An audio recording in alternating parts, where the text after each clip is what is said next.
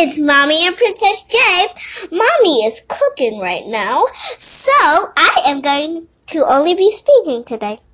Hey. Well, that was just Mommy talking, but she's cooking right now, so yep. So I'm going to be talking about today. Yeah, yeah, yeah, yeah. So today it been a pretty cool. It it been a great, great, great, great, great, great day at school because we had choice time, which is playing with toys. Ooh. And a second thing is we had snacks at school. We had um cheddar pretzels and graham crackers. Ooh, yum, yum, yum, yum, yum, yum.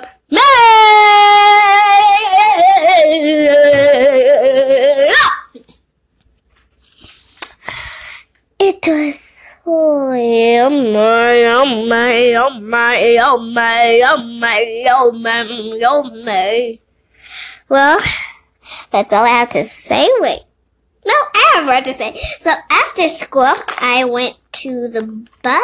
I got, I got off the bus. I went to my friend's house because my friend's parent always pick me up from the bus. And I ride the bus in the morning. The bus does not come to my house. We go to a bus stop so I can pick you up from the bus stop. And that is pretty, pretty, pretty much what I have to say. And if Mommy wants to talk, she can. No, that's okay. You can handle it today. Well, Any plans for the weekend? well, for the weekend, I might have a on Dr. Lu- on Dr. Luther King's birthday. I might just have a mommy and daughter day. Whoop, What do you know about what do you know about Dr. Martin Luther King? I know that people killed him. He had an assistant. His name was Jesse Jackson. He went to New Life Church, and the pastor said, "We got Jesse Jackson in the house." Yes, Jackson, Jesse Jackson did visit our church recently, but Jesse Jackson and Dr. Martin Luther King Jr. worked together a long time ago while Dr. Martin Luther King Jr. was still alive. Mhm. So, what do you know about Dr. Martin Luther King Jr.? Well, I know that I hear some stories, but they're actually fake. They're fake. Yeah, there's there's stories about Martin Luther King, but they're fake. How do you know they're fake? Uh-huh. Well, this is what I do have to say. Anybody you want to learn about, any place you want to learn about, any company, business, anything you want to learn about in the whole wide world, you can read about.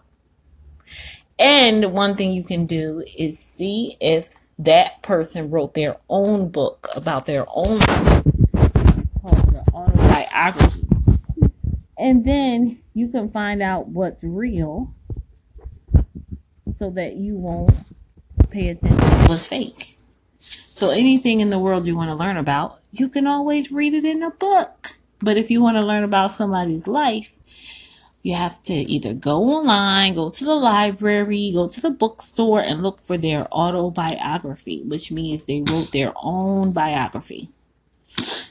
So maybe we'll have to see if Dr. Martin Luther King ever wrote his own life story. Now, what did I just tell you a life story is called in a book? An autobiographer. Autobiography. Oh. Okay? So, it looks like it's almost time to wrap things up. Anything you want to say before we say goodbye? I want to say one thing. I'm sick. Um, I don't think so. Bye. Have a good night. Bye.